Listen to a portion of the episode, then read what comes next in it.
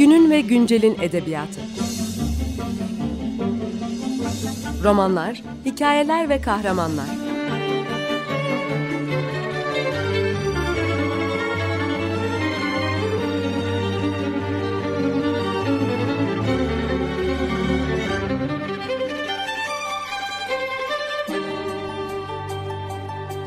Hazırlayan ve sunan Seval Şahin.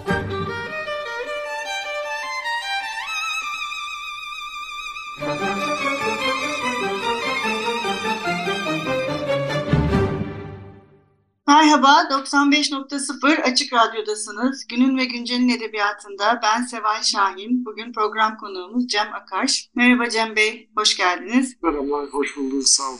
Ee, Cem Bey ile birlikte bugün son yayınlanan kitabını Son Kişot'u konuşacağız. Kitap 2022 yılının sonlarında Can Yayınları tarafından yayımlandı. Ee, kitap 5 bölümden oluşuyor. Bu her bölümün kendi içinde e, farklı bir dokusu var. Bu doku meselesini de konuşmak istiyorum aslında. Neden doku dediğime dair e, bunlara. E, bu kitap farklı türlerde ele alınmış bir nevi antoloji niteliğinde taşıyan, içinde aynı zamanda fotoğrafların, farklı dillerin, İngilizce de var, en son hikaye İngilizce yazılmış, e, ve e, nesnelerin bir de e, anıların bir araya geldiği bir e, kitap. Bu beş bölümü farklı zaman dilimlerinde mi yazdınız ve e, bu beş bölümü bir arada toplamanızın bir sebebi var mı? Aslında şöyle, kitaptaki öyküleri tamamını farklı zamanlarda yazdım. Yani bu oturulup e, baştan kurgulanmış öykülere e, nispeten kısa bir zaman aralığında yazılmış bir kitap değil. O yüzden biraz da e, kırk ambar diyorum buna. Çünkü hem dediğiniz gibi e, o beş bölümü oluşturan öyküler birbirinden çok farklı öyküler. Yani tarz olarak, dil olarak, kurgu olarak çok farklı öyküler. Zamanı çok yayılmış öyküler. İngilizce e, öyküden bahsetmiştiniz. O benim e, yayınlanmış ilk öyküm sanırım. E, Lise Edebiyat Dergisi'nde 1984 yılında yayınlanmış bir öykü. Oraya kadar giden bir şeysi var esasında, zaman süreci var. E, biraz şey gibi bakıyorum. Ben aslında kendimi bir öykücü olarak pek görmüyorum. Daha çok romancı olarak görüyorum. Öyküyü bir kaçış alanı olarak kullanıyorum. Yani benim baştan kurguladığım ve parçalarını oturup yazdığım bir öykü kitabım aslında yok. Belki e, şeyi sayabiliriz. Gizli Hava Müzesi'ni sayabiliriz öyle yaptığım ama orada da o parçaları oluşturan öyküler her biri başka bir yazarın tarzında yazılmış öyküler. Yani zaten onlar da birbirine benzemeyen, altı benzemez öykü. Dolayısıyla e, aslında hiçbir kitabım, hiçbir öykü kitabım e, öyle bir öykü kitabı tutarlılığını, birlikteliğini barındıran, içeren bir öykü kitabı olmadı. O yüzden de ben kendime bir öykü yazarı demiyorum. Yani öyküler yazıyorum ama aslında bir kitabı öykü kitabı olarak kurgulayarak yazan bir yazar değilim.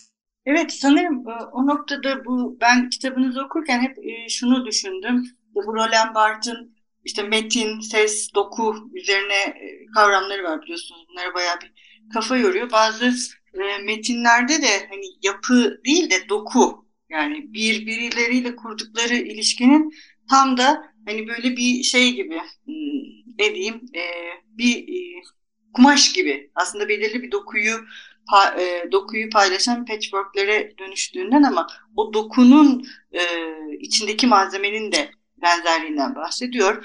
E, bu doku meselesi sanki bu eserler yani yazdıklarınızda önemliymiş gibi geldi bana. Hiç düşündünüz mü sizin de kafanızda böyle bir şey var mıydı? Ha, belli ki yani edebiyat eleştirisiyle, kurguyla ve kafa yoruyor zaten Metin. Onu da konuşuruz. Var yani ben e, şöyle görüyorum. Aslında bütün yazdıklarımda farklı bir şeyler deniyorum her seferinde. E, bu kurgusuyla da, diliyle de, e, konusuyla da ilgili olan bir şey. Fakat zaman içerisinde fark ettim ki, daha doğrusu okurlarım bana bunu fark ettirdi. E, bunların arasında bir, dediğiniz gibi bir doku, bir dil, bir tarz e, benzerliği olan e, yapıtlar var. Yani birkaç böyle ana tarzdan, dokudan bahsedebiliriz gibi geliyor bana. Bir tanesi mesela e, bu daha anılar dediğiniz e, benim kendi hayatımdan biraz mizahi bir yaklaşımla e, ele alarak yazdığım mesela öyküler ayrı bir doku oluşturuyor. e, bu kitapta hareketli hararet bölümü içindeki öyküler mesela çok film öyküsü tadını veriyor. Öyle bir hıza ve öyle bir dile sahip. Dolayısıyla zaman içerisinde evet yani tek bir Cemakaş dili olduğunu söyleyemesem de aslında birkaç tane Cemakaş dili var ve bunlar zaman içerisinde hep devamlılığını e, sürdürüyor gibi geliyor bana. Evet o devamlılık da e, tam da o dokuyu farklı yönlerden besliyor sanırım. İşte bazı yerlerde koyulaşıyor, bazı yerlerde açılıyor e, gibi. Çünkü her halükarda kitabın bir bütünlüğü var. Yani farklı yıllarda yazılmış olmasına rağmen. Bir de bu mizahtan bahsettiğiniz, bu aynı zamanda oyunbaz bir kitap. Yani herhalde bir de okurken şunu düşündüm. Bazı yerleri yazarken çok eğlenmiş olmalısınız sanırım diye. O metne de yansımış o eğlenceli taraf. Bu burada e, yansıyor. Bu oyunbazlık e, dozuyla ilgili ne düşünüyorsunuz? Çünkü yani oyunbazlık biraz tehlikeli olabiliyor zaman zaman e, edebiyatta. E, yani o, onun yani o sizin için bir sıkıntı mı mesela? Onu, onu öyle görüyor musunuz? Bir sıkıntı. Yani e, mesela bu kitabın içerisinde benim adını söyleyeceğim size. E, ham meyveler adını verdiğim bir bölüm var. Bunlar esasında roman olarak başladığım. E, fakat dilinden de tarzından da sonunda hoşnut kalmadığım için yarıda bıraktığım öyküler. Şimdi artık öykü haline gelmiş durumlar ama aslında roman başlangıçları her gün. Ve bakarsanız aslında kendi aralarında bir dil, bir yaklaşım, bir mizah tutarlılığı var, bir oyunbazlık tutarlılığı var. Buna yelteniyorum zaman zaman fakat sonunda da pişman oluyorum gibi bir durum var benim için. Biraz daha böyle genç, güncel, e, zıpır bir dil, bir tarz o. E, ama beceremiyorum sonuçta böyle. Yani yazıyorum, yazıyorum, yazıyorum, sonunda da memnun kalmıyorum. Öyle bir şey var. Evet. E, o dediğiniz gibi bir risk. Yani onu devam ettirmeme kararı çok önemli e, devam ettirecekseniz de dozunda ve e, nihayetinde iyi bir eser ortaya çıkacağından emin olmanız gerekiyor. Yoksa boş boşuna zaman harcamış oluyorsunuz. Yani bir de bu bir de bu iyi edebiyat bilmeyi gerektiren bir şey gibi düşünüyorum ben. Hep bu tarz yani oyun bazanlığı. Yani iyi okur olmayı gerektiren bir şey. Sadece iyi yazar değil, biraz iyi okurluk da orada devreye giriyor mu? Ne dersiniz? Yani bence giriliyor olmalı zaten. Ee, ben şöyle egzersizler yaptırıyordum e, yaratıcı yazarlık dersi verirken. Bir öyküyü alıp, yazarı bir öyküsünü alıp o yazar gibi yazabilecek misiniz? Bunu deneyelim. Çünkü o bana çok eğitici, öğretici bir şey gibi geliyor ve ben de aslında yazmayı biraz öyle öğrendim. İşte Calvino'yu okuyup ya çok şahane bir metin nasıl yazmış bu adam bunu deyip benzer bir metini ortaya çıkartabilecek miyim? İşte Cortazar öyle, Borges öyle. Ee, o öykünmeden yani sonuçta ortaya bir taklit çıkmıyor, çıkmaması lazım ama eğer stilini, neyi nasıl yaptığını iyi anlarsanız, iyi çözümlerseniz o size her zaman bir artı değer olarak cebinizde bulunan bir şey haline geliyor. Bir tür e, repertuar diyeyim ben Ne kadar farklı yazarı böyle analiz edip e, kendi tarzınıza uydurarak yazabilirsiniz aslında bence o kadar iyi. Evet çok haklısınız. Bence de e, öykünme e, orijinalliği beraberinde getiriyor eninde sonunda. Azimle diyelim. Evet bir ara verelim. E, Cem Bey bugün ne çalalım okurlarınız ve dinleyicilerimiz için? Valesco Quartet'ten bir parça seçtim. E, Revolution is Great. Merhaba, 95.0 Açık Radyo'dasınız. Günün ve Güncel'in edebiyatında ben Seval Şahin, konuğumuz Cem Akaş'la birlikte son kitabı Son Kişot'u konuşuyoruz. E, programımızın ilk kısmında e, kitabın beş bölümünden ve bu her beş bölümdeki benzerliklerden ve bu benzerlikleri ortaya koyan e, metne ait e, dokudan ve bunun özelliklerinden bahsedip en son öykünme ve öykünmeden orijinalliğe giden yoldan ve oyunbazlıktan bahsetmiştik. Şimdi oradan devam edelim istiyorum ben. Çünkü bu kitap bunu bize çok net gösteren de bir kitap. Bir taraftan yani okuduğu metinleri, öykündüğü yazarları ve metinleri de gösteren bir kitap. Son Kişot. İşte en son sizin Calvino dediniz. İşte haberler kötü, soğuk bir kış gecesi. Sen bu, bunu görür görmez hemen Calvino'yu aklımıza geliyor zaten. Ee, bu da hem çapraz hem de sarmal ilerleyen bir e, hikaye var. E, o yüzden de şey, e, bu da hareketli bir hikaye. Yani sadece hararetli hareket bölümündeki hikayeler değil. E, diğer hikayelerde de hep bir hareket var bu arada. E, neyse ona gelelim. Peki bunu e, bu kitabı bir yere getirirken e, hani bunları da e, burada yer almalı diye düşündünüz mü? Hani bu doğrudan e, oyunbazlıklar, metin ve yazar göndermeleri, işte sırtlananlar, Kant Kulübü 2'de de Oğuz Atay'ın işte İngiltere'deki şey var. Başka da var zaten bir türlü. Evet. E, yani bu kitabı oluştururken aslında biraz şeyi düşündüm. Elimde yazılım şu an metinlerden hangisinin okur karşısına topluca çıkmasını istiyorum, hangisi bende kalsın. Dolayısıyla bir eleme süreci o. Tabii insan biraz şey yapıyor. Yani yazıp da bu fena olmadı dediği şeyi kitap dışında bırakmayı ya da işte okur önüne çıkartmamayı yeğlemesi biraz zor oluyor haliyle. Ama onu yapmak da gerekiyor. Yani her şeyde okunmamalı esasında yazdığınız diye. Dolayısıyla öyle bir eleme yaptım. Ama e, yani kitabın hacmi de ve içindeki öykü sayısı da gösteriyor ki aslında çok sık bir eleme yapmamışım. Yani biraz daha e, içinde hemen her şeyi barındırsın istemişim. E, o anlamda da biraz inişli çıkışlı bir kitap bence. Yani daha iyi öyküler var, daha eh peki hadi bunu da okuduk diyeceğiniz öyküler var. E, o yüzden de biraz kırkan var. Yani biraz kitabın içerisinde doldurulmuş bir takım öyküler var diyebilirsiniz aslında ama onlar gene de bir elemenin sonucu. Ben mesela onları şöyle düşündüm okurken. Eleme değil de bu metinlerdeki dolgu malzemesi. Yani çok miktarda dolgu malzemesi de üretiyor metinler ve o metinlerdeki iniş çıkışları sağlayan dolgu malzemeleri olarak bir nevi harçlar olarak konulmuş mu diye düşündüm.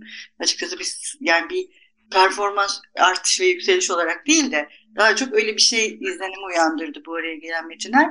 Ee, şimdi bir de hepsinde bir hareket var. Yani sanki geçmişten günümüze o ilk bölümden ilk kısımda da konuştuğumuz gibi o dokuyu sağlayan bir hareket var metinlerde. Hep böyle hareketli. Hareket önemli bir şeymiş gibi sanki. Değil mi? Hepsinde. Ya da ben öyle gördüm bu 40 Doğru, doğru. Yani e, şeyler biraz farklı. Kitabın sonunda yer alan benim daha önce yazmış olduğum işte uyandığında kadın hala yanındaydı. Aşkın zembereye gibi metinler o kadar hareketli metinler değil esasında. Daha e, duyguya ve ifadeye yönelik metinler. Ama söylediğiniz doğru. Yani e, benim yazarlığımda olay örgüsünün ağırlığı hep belirgin olmuştur. Ama orada da şey var mesela uyandığında kadın hala yanındaydı. Hep eylem var yani boğulmak, almak, söylemek. Yani şey yavaşlıyor belki ama yine harekete hareketi ifade eden bir yavaşlığa doğru gidiyor. Öyle bir şeyler. Bir de bu redaktörler ben çok sevdim redaktörler hikayesini. Ee, böyle sonunu da bayağı şeyle bekledim yani ne olacak acaba sonu diye ama söylemeyeceğim okurlarımıza sürpriz olsun sonunda e, ne olacak diye. Bu böyle bütün bu kitapta tartışılan bizim de belki burada konuştuğumuz şeylerin hepsini belki bizim şu andaki konuşmamızı da bir kutunun içinde e, bunun içine dahil eden bir öykü gibi redaktörler değil mi? Öyle düşündünüz mü siz de? Bütün doğru kitabın... Doğru söylüyorsunuz. Benim için o öykü aslında o da bir roman e, başlangıcı. Oradaki şey başlangıç benim için şuradan kaynaklandı. Galiba Orhan Pamuk'un Benim Adım Kırmızı'yla İhsan Oktay Anar'ın Puslu Kıta Yatlısı'nı arka arkaya okumuştum diye hatırlıyorum. Ve orada şey çok dikkatimi çekti. E, mekan betimlemelerinin nasıl birbirinden çok farklı olduğu. Yani İhsan Oktay Anar'ın kitabını okurken sokakta hakikaten yürüyorsunuz, kokusunu duyuyorsunuz, taşların dokusunu hissediyorsunuz, sesler geliyor filan. Orhan Pamuk'un romanında ise çok daha e, yalın, çok daha minimal anlatılmış mekanlar var. Yani oraya düş, düşseniz gerçekten aslında göreceğiniz şey detaylandırılmış binalar değil, e, Google Maps'teki gibi e, çizilmiş olan mekanlar olacak, yollar olacak gibi geldi bana. Bu iki farklı yaklaşım bana şeyi düşünüyor. Bir roman kahramanı olsam yazarın betimlediği dünyayı nasıl görür? Ve onun üzerine kurduğum bir metin oldu. Yani aslında oradaki karakterler kendilerinin roman karakteri olduklarını bu sayede fark ediyor. Yani çevrenin betimlenmesindeki sahtekarlıklardan fark ediyorlar. E, minimalliklerden fark ediyorlar. Yani burada hiçbir şey görmüyoruz dediğimiz an, dedikleri anda mesela orada bir, bir şey beliriyor diyelim. Ve böyle böyle e, karakterlerin kendilerinin roman içerisinde yaşadıklarını fark edip başka romanların içerisine gidip oradaki karakterleri müdahale etme kararı üzerine kurulu bir. Bir roman esasında çünkü romanda işte 6 tane, 7 tane farklı romanın içerisine gireceklerdi. Ve orada birer karakter, gereksiz gördükleri birer karakteri öldürüyor olacaklar. Öyle başladı. Evet bayağı da şey yani kült bir romanla Madame Bovary ile bayağı çok. Olsaydı evet. Değil mi? Madame Bovary olması da çok anlamlı geldi zaten bana. O kadar kusurlu yani her bir kelimesinin hesap edildiği bir e, romana bir saldırıda bulunmak değil mi? evet, evet. Bayağı bir o gerçekliği ve şeyi çökerten bir şey. İşte Yani doktora öğrencilerinin had bilmemesi ve kendilerine çok güvenmeleri üzerine kurulu bir şey esasında. Bence öğrenciler. çok iyi bir şey olmuş. Ee, bu şeyi e, konuşalım isterseniz son olarak da. Bu R'den kalanlar bu biraz böyle cinsellik ve erotik de bir e, bölüm burası. Metinler var. Evet, erotik metinler var. Ee, bu e, erotizm e, burada da ben yine yani kitabı okurken hep Roland Barthes'i çok düşündüm. Burada da bir aşk söyleminden parçaları falan düşündüm. İşte fotoğrafı okumak. Ee, bu erotizm bu bence çok iyi bir bölüm bu arada. Yani iyi olduğunu düşünüyorum. İlk yazdığım kısımlardan mı demiştiniz eski yazılan? Tabii ki benim bir e, ne zaman çıktı? 2000, 2001'de ya da 2002'de yayınlandı. E, bir öykü derlemesiydi o da. Onun içerisinde bazı öyküler e, başka öykü kitaplarımda yer alan öykülerdi. Onlar zaten kendi başlarına şimdi tekrardan yayınlanıyorlar. Ama sadece Ray için yazdığım ve bir daha hiçbir yerde yayınlanmamış öyküler var. Onları da bu kitaba almak istedim. Evet. Ee, Cem Bey programımızın sonuna geldik. Kuşkusuz kitapla ilgili konuşacak çok şey var ama bu okurlarımız, okurlarınız ve dinleyicilerimiz için e, umarız şimdilik kafi olur. Bitirirken sizin buradan okuduğunuz bir bölümle diğer programlarda yaptığımız gibi bitirmek isteriz. Siz bugün neyle veda etmek istersiniz dinleyicilerimize? E, Son Kişot'tan Diktatörler adlı öyküden kısa bir bölüm okuyacağım. Ülke bir diktatörlük olmaktan çıkalı neredeyse 10 yıl oluyor. Herkes biliyordu bunu. Diktatörün kendisi dışında herkes. Bir tek diktatör, ülkenin hala bir diktatörlük olduğunu, herkesin ondan ölesiye korktuğunu ve iliklerine kadar nefret ettiğini sanıyor. 10 yıl kadar önce kötü bir rüyadan uyanır gibi artık bir diktatörlükte yaşamak istemediklerini karar vermişti insanlar. Sessizce, hep birlikte, önceden anlaşmışçasına. Ne var ki bunun diktatöre söylediklerine kalbinin kırılacağından herkes emindi. O yüzden yine sessizce kimsenin tek sözcük söylemesine gerek kalmadan diktatörü idare etmeye, pışpışlamaya karar vermişler. Zaten sağlığı bozuktur diktatörün. En fazla birkaç yıl daha yaşayabileceğini fısıldıyordu hekimler. Son günlerini mutlu geçirmesini sağlamakta ne gibi bir sakınca olabilir? Ne var ki diktatör beklenenden daha dirençli çıkmıştı. Onun haberi bile olmadan kendisine biçilen süreyi aşmış, genç bir diktatör olarak yaşamını sürdürmüştü. Halkı bu durumda sorun etmemiş, kendi bildikleri gibi yaşamış, ihtiyarı olmayan diktatörlerine sert erkek muamelesi yaparak gönlünü hoş tutmuşlar. Zaten yalan ki?